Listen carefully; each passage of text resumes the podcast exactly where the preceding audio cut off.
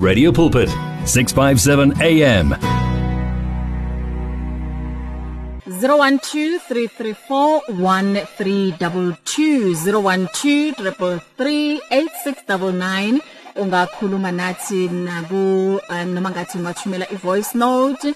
Uma ke ungathanda ukuthi ushaye ucingo i-voice note ikhona i-SMS ikhona. WhatsApp ku 082657 2729 SMS ku 37871 noma uvakashela i-page lakhe u live ne ku Facebook um you're not, you're not No, I'm not live yet. okay yeah kodwa ke uma ufuna ukumazi uHenry ungavakashela i-page lakhe uzibisa bani ku Munyeki. yeah Hendrik um, is C K H E N D R I C K. aha Munyeki M O N Y E K I Hendrik Munyeki. Okay kuwo wonke ama social platforms Yes, and on Instagram at H Munyeki, on mm -hmm. on Twitter Hendrik. Okay. Um 0123341322 utholile ithuba namuhla ukuthi ukhulume naye uHendrik ya ungashayela ke kuleyo number noma uWhatsApp ku 0826572729 uyazi lo mhlabelele beucula la? Unomyalezo namandla ngempela. Um siyakubonga baba. Ubusho nje ukukhuluma ngomlomo wakho ukuthi ngiyabonga baba. It means ukuthi uyabona izinto ezinhle akwenzela zona. So umculo wakho uza kanjani kuwena uyaphupha or kunomuntu okubhalelayo incwadi kwenzakala quite an kanjani interesting question. No, Yeah. um, actually, it happens random. I Yeah. would be walking on the street. Actually, uh, all every morning. I actually most of the time, rather, let me not say every morning, but Mm. most of the time, uh, I walk to work from my house. Mm. So there, there's a little um, skala. Mm. It's not really a skala, but yeah, kuna kunotshani, kuna na- na- na- but you know, there's a little path that I actually pass through going to my workplace. So every morning, that place, it's it's my altar. When I get into that little path, I start praying. And most of the time, mangdula lapaya, maybe I'm I'm I'm I'm I'm just you know praying, and I will just you know go drop a e- e- e- melody okay. in in in, in my spirit. And then i will take out my phone quickly and record it. It can be like a, a chorus or just a verse. So uh mangifika endlini later on mangiyimamela i start getting more ideas around that little piece i got in the morning. So and sometimes it's about what i see happening around me.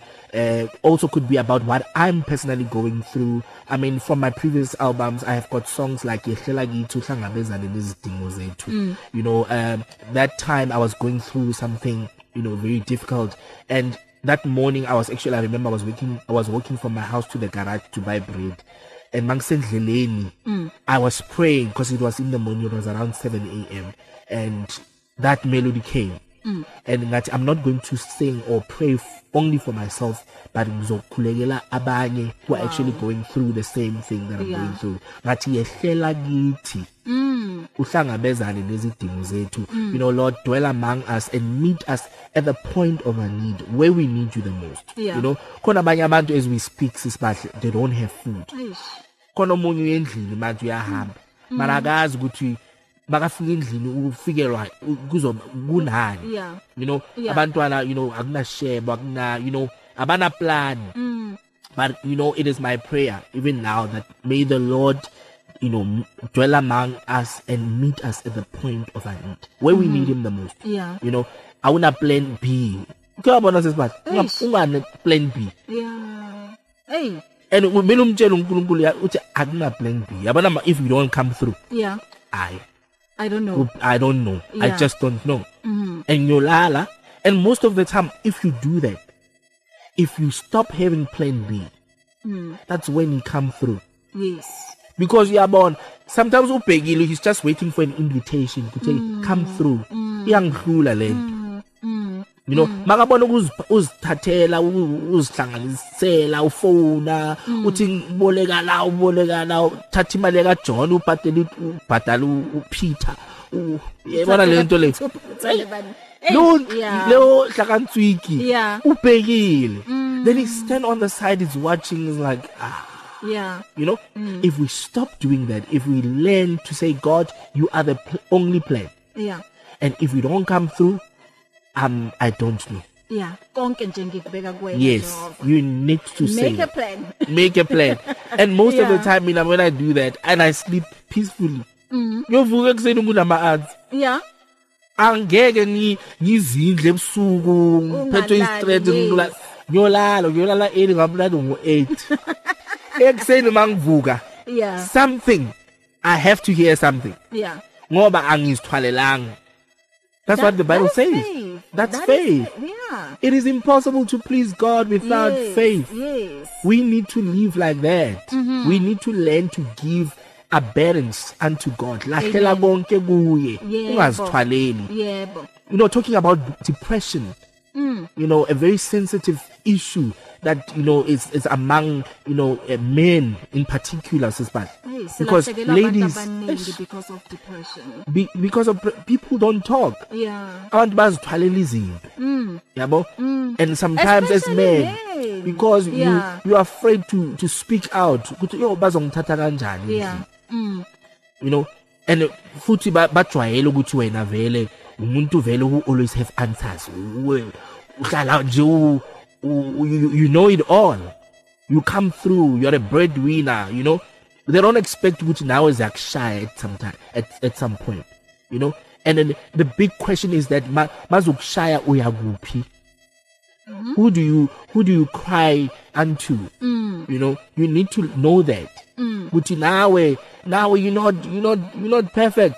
You need someone to listen to. You need to speak to somebody. You know you need professional help to be specific. Amen. You know? You know because yeah. yeah you know i don't want to even indulge more. I mean we just lost a, you know a veteran actor. Hey. You know because of of this thing. Depression. You know it's real. We need to talk about it. And especially about among musicians. We are going through the most tina as musicians right Yeah. now. We haven't been having proper gigs this but we haven't to tell the honest truth. Because and then uh, the past 2 years. for the past two years Eish. how do we pay our bills to those who are married? Khona a married man umtshela kahle ukuthi as in you are useless awulethi lutho la endlini. You know? Sakhohlwa konke that over the years lo muntu bekaletha imali.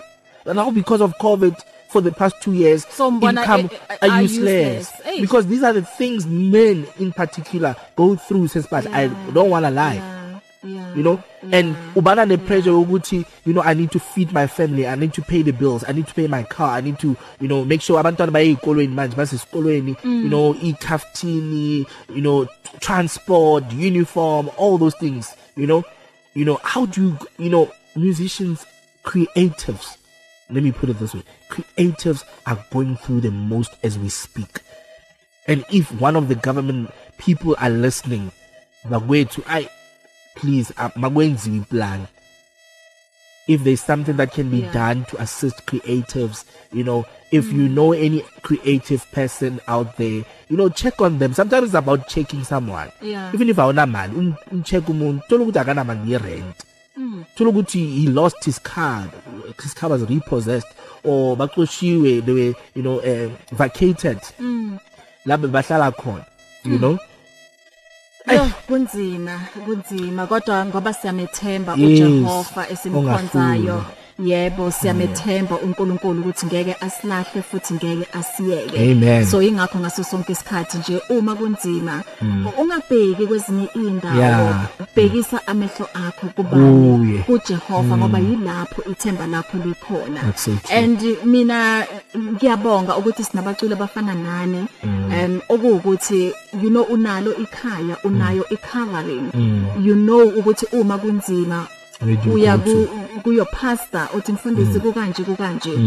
You know so kubalekile balekile um abaculi especially the gospel ngoba thina la ekhaya eh, si preacher the gospel si preacher umculo okuwukuthi ukhuluma the good news. News. so kumele babone kunina noma umuntu kwamanje ulalele uthi yazi ash ngifuna ucula igospel ukuthi ay mara i'm discouraged ngoba ngiyazizwa istory story ikhulunywayo. Yes ngale gospel music ukuthi "Eh, bathi hey futhi le yona iwest uyazi ungamani waziyela kwenye genre khohlwa ngegospel. You know zibhlungu ink- inkulumo ezifana nalezo especially if uthola ukuthi wena you know you are preaching i gospel ngendlela okuwukuthi right and then bese uzopendwa. Yabona because of omunye umuntu. yes yes. Um 0123341322 ngizomdadela bazalwane uHendrik um in few minutes.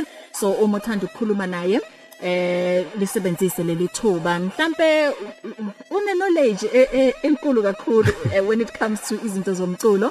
So uma kukhona mhlambe ungakunderstand emculweni yeah khuluma naye la. Mhlambe ungumculi yo aba ne problem yem kuthiwa yini? Samro Samro, and yes. all those you know lapho kunemali khona nje yakuhlezi kunenkinga so nalapho uma u- uthanda eh, ukuthola ulwazi he's here ngake ngaba naye kwenye yama programs yomculo. And then hey ngiyezwa lapho ukuthi hey uloaded. Ngolwazi um u- u- ubut Hendrik 0123341322 noma ungathumela um i-inbox noma iya epage lika Bahle Nhlapho ku Facebook and then u- u- ubhale lapho um your message. Ngibona omunye la u- uthumele i-inbox uthi eh Bahle I'm listening uh uthi um Bahle Nhlapho listening get okay. After all things I have mm, um eh. Angi understand kahle i-message yakhe. Ngizama ukuthi ngiyifunde manje unfortunately ngalapho eside lakho awuyibona mhlawumbe wena bongayi understand but uthi bahla i'm listening um uthi uthi mina? Ngicabangela ukuthi mhlawumbe uthini. okay uthi bahle i'm listening u Hendrik Mnyeki and uthi i'm okay. I think naye he's been through a lot empilweni yakhe and malalele wena. um I'm, I'm encouraging wow. let me take it like that mm. yeah because I'm I'm mm. I'm struggling ukuthola ukuthi ya uthina kodwa ngiyacabanga ukuthi mhlambe kube nama eranyana ama type lapha yana ifulalelo uzolungisa then se understand ukuthi kahle hle eh uthini. Ya 0123341322 in 2 minutes. Ngiyamdedela ubot Henry kunombuzo noma ke uthanda ukukhuluma naye 082 ungathumelana ngewhatsapp ku0826572729 eh umyalezo nje ongathanda ukunikeza mm, um kakhulukazi when uza uma kuza emculweni. Okay ialbum yakho le hmm. ayika release ne we are releasing it uh, arise we releasing arise uh, this friday. This friday. This coming friday. Okay. Isiyakubonga we've mm. released it 9 days ago. That was last week yeah. And then we're releasing now the whole EP on Friday. It's called Arise. Uh, we've just recorded it uh, at Joburg Theatre on the 17th of December. Okay. Uh, with great musicians and mm. singers. You know, my producer, shout out to my producer, uh, Judah Ngwenya, who's my Oh. pianist, yes. And then I've worked, you know, uh, Judah Ngwenya that guy with a cut cut Cut, yes. oh okay Was a Change Bible Church. yeah Uh, I've worked with uh, U- U- U- U- Ntokozo Mdluli, who's my drummer. I've worked no Mzizi, who's my guitarist. I've worked no uh, Spiwe Mloyi, who's my bassist. Uh, I've worked with uh, U- Ulungelo Mashinini, second keys. Uh, U Ju- uh, Junior Peja uh, from Joyous Lower Makati. Oh, yes. Kala, yes, Yeah. yes, yes. Uh, he's on organs. Uh, I've worked with Nhlanhla for on tenor. I've worked with uh, Vuyano on tenor. I've worked with uh, Pumzile. I've worked no uh, U- U- Buhle on alto. I've worked no Vuyogase on alto as well. wow So so yeah, shout out to all these great musicians that did a brilliant job on my album. And they are the best Yo. yo they are the best I just can't wait for Friday. You know, this is, you know, ngiyayizwa ngiyayithanda usiyabonga. yeah Kodwa ikhona into ezayo enkulu. eh usho kanje Yo, eh sisibadla. Yeah. I know I love Siyabo Siyabonga. yeah. It's it's it's a personal song. Wow. Yeah, but I think, you know, uh, uh, this time God has uh, really have has raised me. yeah you know, yeah, I, you know, I took a little step of faith and like what? Wangiphakamisa nkosi yami. Hey, Yeah. wangizama. ba angithi liyasho izwi ukuthi uma thina sizefisa siba Yes, humble yes. uyena Oziphakamisa, ozosiphakamisa akumele yeah. thina Yes, siyiphakamise that's kumele true. siphakanyiswe Nguye. nguye ngoba Ish. uma siphakanyiswa nguye siletha ini udumo Udumo kuye. kuyena You know, Yes. to those people who are actually watching from a distance. yeah sisibahle yabona yabona i, i Psalms uh, uh, 24 Mm. Psalms 24 is my 23 rather sorry Psalms 23 is is is so alive Yeah. in me Yeah. where God says he pre- you know David says he prepares a table Wow. before me in the presence of my enemies Oh. bakhona bakubhekile bale ababelanga bahlale nawe la etafuleni Yeah. ngoba they might eat your food they might destroy you Yeah. you see but now God allows them to see From a distance. from a distance. Yeah. udla kamnandi. Bakushele ku okubi bakukhulunye kabi bakuyenze ntontoni Yeah. you know but watching you succeeding Yeah. and there's absolutely nothing they can do about it. They can say whatever they want to say about you and do whatever they want to do but uNkulunkulu makabusisile ubusisile who can Yes. curse what God has blessed? You know? You know and that's what God does akubeke nje bakubona bakubhekile Yeah. but they can't reach you bangabangali babe confused ukuthi lo muntu siyazama Yeah. baze kuye bazo confess ukuthi yazi sizamile Kanti abazi uNkulunkulu Eh. omkhonzayo ukuthi unguNkulunkulu. Hey, weyimanga. hey Hendrik um ku- kubo kuwo wonke ama matriculants okuwukuthi asiqale ngalaba um abangakwazanga ukuphumelela. Kodwa ke siyabonga ukuthi iningizimu Afrika isebenzile kahle. Isebenzile kahle.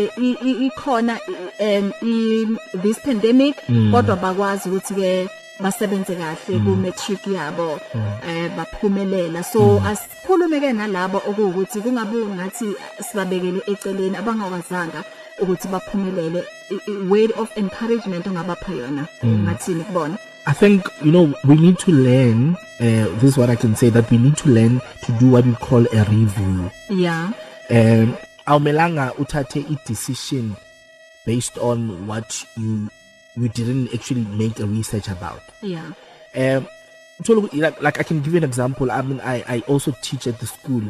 Khona abantwana who would uh, passing mark it's 50. Mm. And uthola ukuthi umntana uphase u- u- ufe- u- ufele njenge 1%. Ushote njenge 1%. Uthole 49. So what would I would say is that you know what you don't have to be discouraged. Mm-hmm. You have to now sit back and check what went wrong. yeah ubheke ukuthi ah, pila pila mina I wasn't consistent in my studying yeah I was not angikhathanga ezinye izinto that actually kept me busy and stole the time that I was supposed to spend in my studies. Ngicela ukubamba kancane sithathe omunye la elayinini. Sawubona dumela usemoni ah usemoyeni Dumela bahleng le kae? re teng le kae Ai bona mane. mm mm re bua le bang kae Bua le Michael Ramruku Mundren. okay okay ntate ramoroko Eh, ke tshireleditse ditaba tsa rona bašwa ke monate. amen mm Ai o phethe ndoda la. hey indoda ehlabelelayo Yeah. thank you I baba just thank you want to comment on one sentence that you have stated uh, as we were talking. Mm. Ayolala igarage. Mm Eish, I love that spirit. yeah That is a spirit of humility, mm of bringing yourself down yeah to the ground so that God can come and pick you up. That's only what I want to commend. You know. That's that you know humility. yeah ukuthi ayolala egarage to avoid all these expenses Ish, ish. and uh, what can you know, also result from there. Mm, mm. Thank you very much. Just continue teaching us. amen Thank you. Well, Ramoroko. ke a leboha papa Yabo. ke a leboha modimo wa hlono lo fatshe papa Thank you, and you too, sir. And you, Batle. Thank you. Thank you. Thank you. Bye. bye bye Bye bye. Yo. yeah that's humbling That is humbling indeed. Yo, okay, ubuti um ubaba Sipho Mthweni uyilungisile ne? oh okay Um i- i message yakhe uthi uthi he was just saying I'm listening to Hendrik your guest there. I'm so encouraged and inspired. To God be the glory. Um uthi uh, I was saying after all I've went through Hendrik is like someone who's bringing that hope again. Oh wow. Yeah, uSipho Mthweni ese Davidton. Amen. Wow. Dave Jones seduze. Yes, yes. Ah shout out Brasipo. Thank you so much. God bless you man. Amen. Um uma mthandi sisinye ipheko uthi I'm with you sisibahle no sis Julia Muloko uthi I'm with you as well. Wow. Shout out Hendrik, thank you so much. And then um silindele njoba usho ukuthi sesekukhulu Hey. kuzayo. Powerful. Sesekukhulu kuzayo. Um so us- usasebenza nama nabaculi bejazz. Yes, I still do. Yeah. I still do. You know, depending on what's available. If Yeah. if they book me, I will still go. Okay. you know. Yeah. But uh, currently, I'm focusing mostly on the projects that I'm busy with. Mm-hmm. Manje. It's the gospel projects that I'm doing, and also at the school because I'm teaching there full time as well. Mm-hmm. Okay. Yes, so Yeah. it's those are the two things that I'm busy with. But if anything else that comes on the side, Mm. I can actually do. Yes, I, Mm-hmm. yeah, and I'm available. I should just say this: I'm available to to anyone who needs help Yeah. Who needs help uh, asincedane bafowethu uh, I need to give you the information that I was I had to find out myself you know these are the things I mean things were different when Tina when we were starting Yeah. you know things were difficult when we were starting you know now a lot of things are actually at our you know ex- uh, disposal so we Yes. need to we have got a, a, a internet we've got uh, you know 4IR it's there bafowethu. so wherever you are in the world you can actually do this Yeah. so there's no limit there is no limit yeah. Thank you. thank you sister Um ithi sikuphelezele la mm, eh, ngomculo wakho. ah yes From kule album Edge. Eh, What's the difference between album ne E EP? well it's a little album EP is a little album Okay. and after then you then have a full album Oh, Yeah. EP kusho ukuthi ingoma kodwa azikakapheleli. Pelele, that's Oh. yes Oh, la siyadansa la. Ah, la. Mama ding akonyana. Hey, una le matla, una le matla, una le matla. Ke a leboha bana beso mhle. For the very first time on Radio Pulpit, Amen. here is Momading Akonyana. Hallelujah. One vision, one voice, one message. Radio Pulpit 657 AM and 729 Cape Pulpit, impacting lives from Gauteng to the Cape. The search continues for top quality South African Christian music. If you are a new artist or releasing a new CD, then send it to Radio Pulpit. For more information, please visit the Radio Pulpit website. That's www.radiopulpit.co.za or phone us during office hours 012 334 1200. Radio Pulpit, your daily companion.